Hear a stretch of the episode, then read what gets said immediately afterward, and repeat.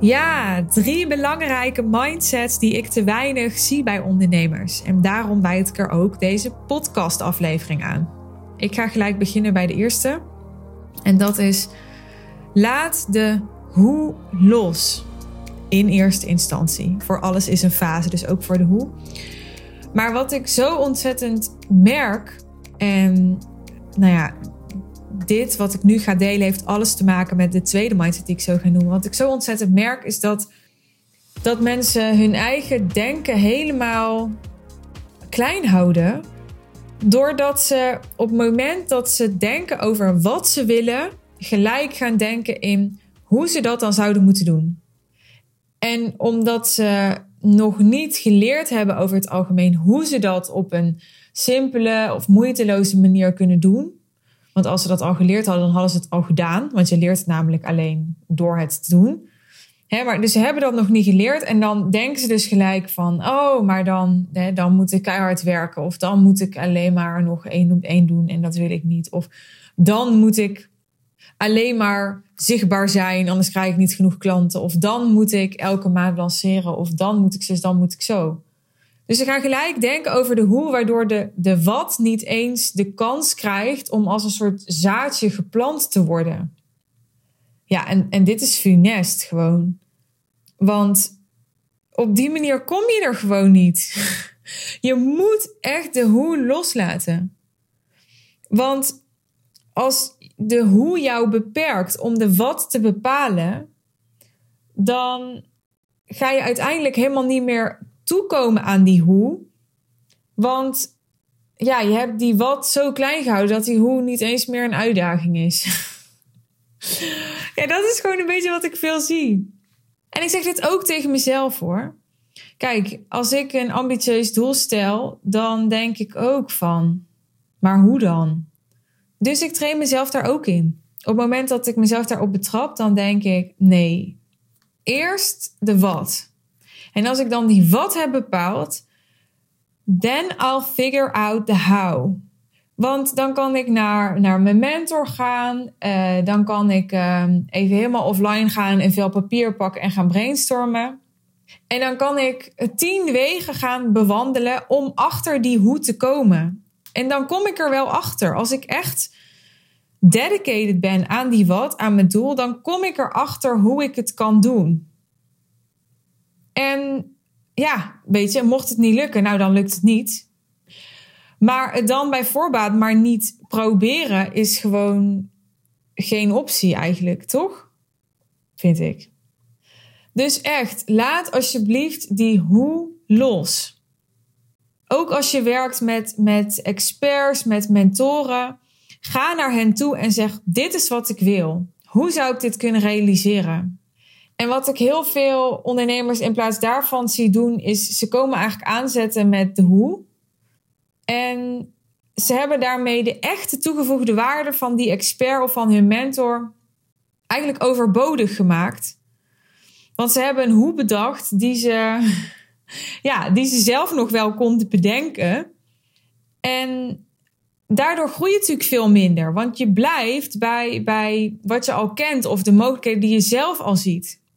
Dus wees gewoon echt bloody honest over wat je wil naar jezelf. En ga dan daarna in een tweede fase de antwoorden halen, de wegen bewandelen. de experts erbij zoeken die, die je kunnen laten zien wat de routes zijn om daar te komen. De tweede mindset is echt think big. En ja, deze gaat me echt aan het hart. Ik zeg het ook een beetje zielig. Deze gaat me echt aan het hart. en ook hiervoor geldt, dit is iets wat ik ook nog veel en veel meer zou kunnen doen. Ik weet nog dat ik um, ja, een paar jaar geleden, nog voordat ik moeder was, zat ik bij een, eh, een netwerkenclub. Was nog uh, pre-corona-tijd natuurlijk. Dus toen kon je gewoon nog lekker met z'n allen in een, uh, in een café staan borrelen. Was niet echt mijn ding trouwens, maar dat terzijde. Uh, was wel heel erg leuk, want ik ontmoette er wel leuke ondernemers door. En ook allemaal heel andere ondernemers dan, dan die ik op Instagram de hele tijd tegenkom en zo.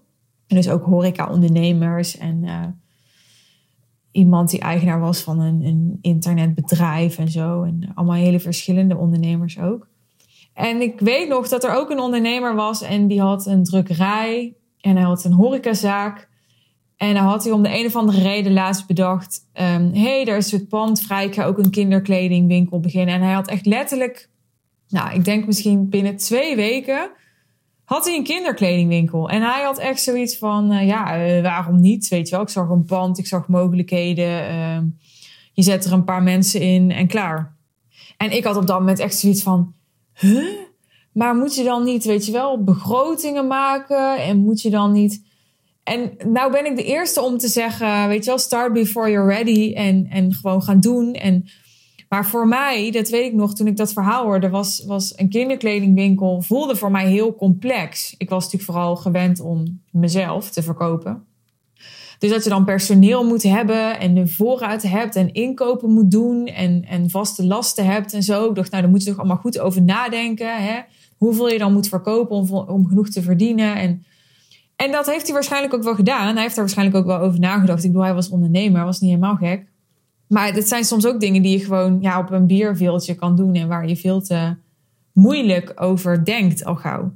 Nou goed, terug naar dat groter denken. Ik weet nog dat ik elke keer als ik bij die netwerkgroep was geweest, zo geïnspireerd was door mensen die, die zo makkelijk dachten over dingen die, die voor mij heel groot voelden. Waardoor ik elke keer voelde, ik denk eigenlijk nog veel te klein. En dat doe ik natuurlijk eigenlijk nog steeds. Ik bedoel, uh, ik ben maar gewoon, uh, ja, Suus uit Nederland. en uh, als je kijkt naar, naar, naar, naar globaal, naar internationaal, naar, naar de, de, de echt grote beursgenoteerde bedrijven in de wereld, dan ben ik natuurlijk echt helemaal, helemaal niemand. Dus daar wil ik maar mee zeggen dat, dat we altijd zo denken vanuit ons eigen referentiekader, vanuit onze eigen omgeving, onze eigen bubbel.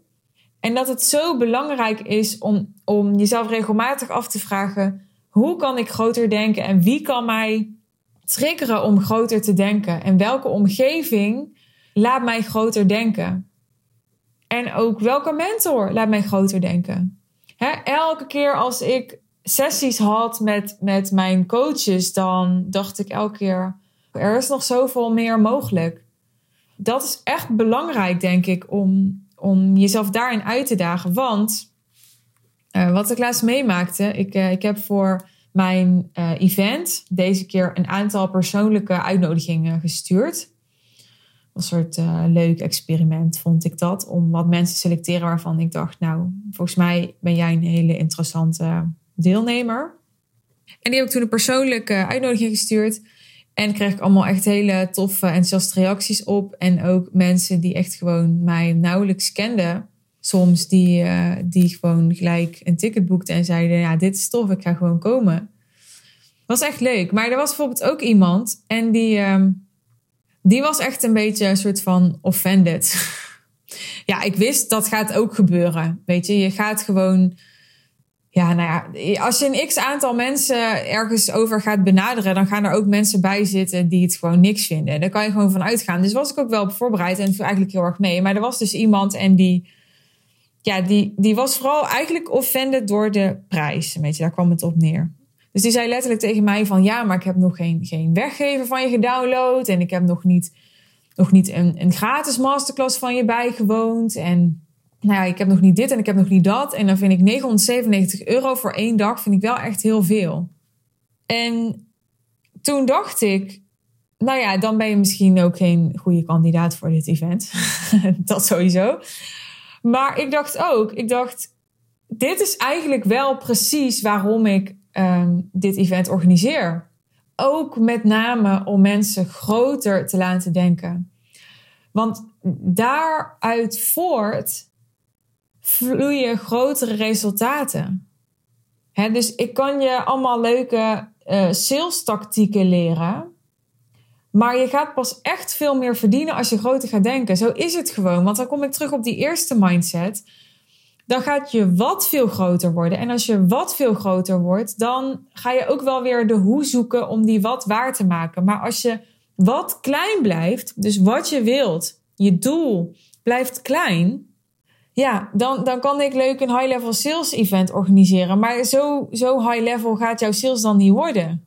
Snap je? Gewoon omdat je toch, ehm, ja, een beetje in een soort, ja, dit is echt super raar wat ik nu ga zeggen, maar ik moest denken aan een soort comfortabele baarmoeder blijft. Snap je? Dus op een gegeven moment dan, ja, dan, dan niet op een gegeven moment, nu. Nu gun ik je gewoon dat je, dat je doorgroeit. dat, je, dat je rijper wordt. En daar horen grotere doelen bij. Daar hoort bij dat je grotere beloftes gaat claimen. Dat je grotere prijzen gaat vragen. Dat je meer van waarde gaat zijn. Dat je veel meer nog in je grootsheid gaat staan.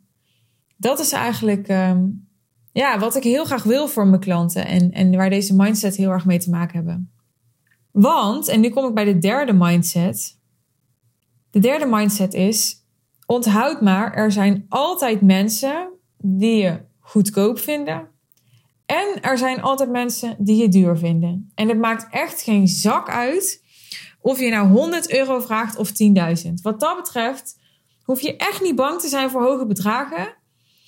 Want net zoals voor lage bedragen, ook bij hoge bedragen zijn er opnieuw mensen die je te goedkoop vinden en mensen die je te duur vinden. Die zijn er echt altijd. Maakt niet uit welk bedrag je vraagt. Het zijn misschien andere mensen, maar er zijn altijd mensen die um, ja, het te weinig vinden of te veel. En nou, ik gaf net het voorbeeld van, uh, van die ondernemer die ik had uitgenodigd. Die zei, nou ja, ik vind 997 euro voor een event wel veel. En ik geloof echt letterlijk op dezelfde dag stuurde iemand een DM en die zei, nou, wat een prikkie is dat. Echt letterlijk op dezelfde dag. Snap je? Dus ik dacht echt, dit laat weer zo mooi zien dat je je echt niks aan hoeft te trekken van of mensen je nou te duur vinden of te goedkoop.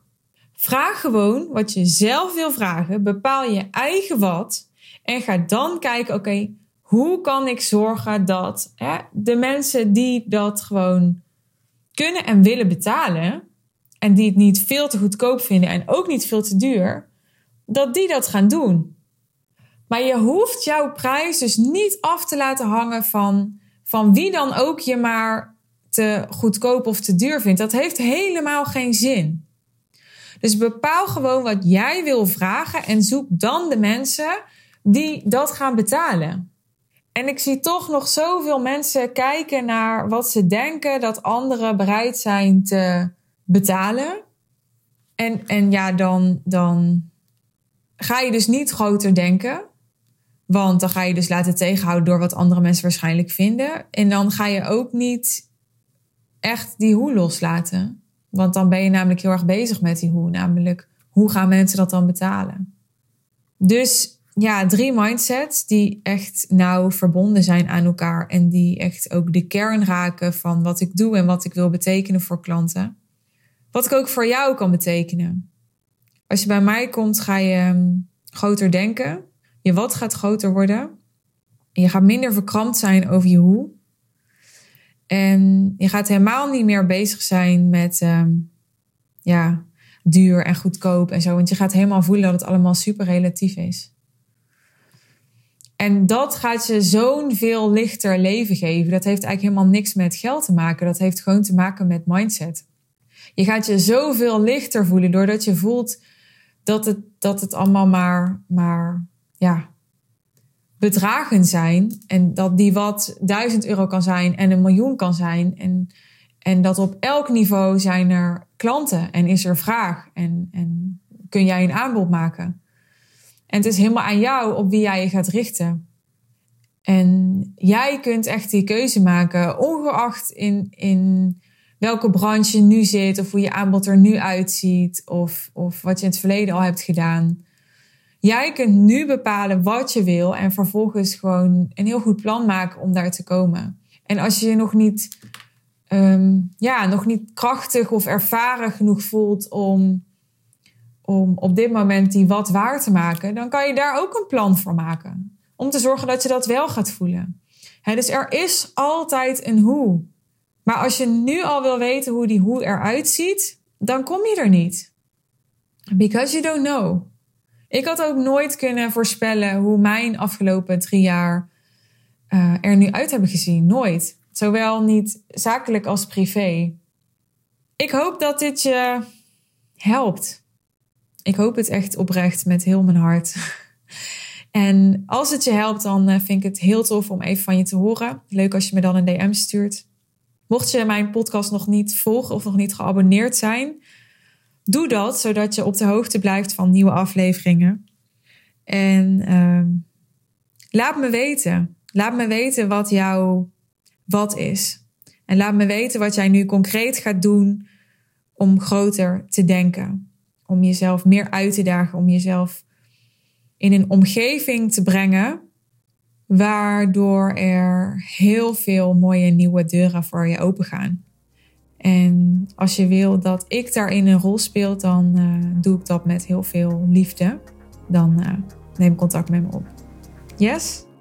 Tot de volgende aflevering.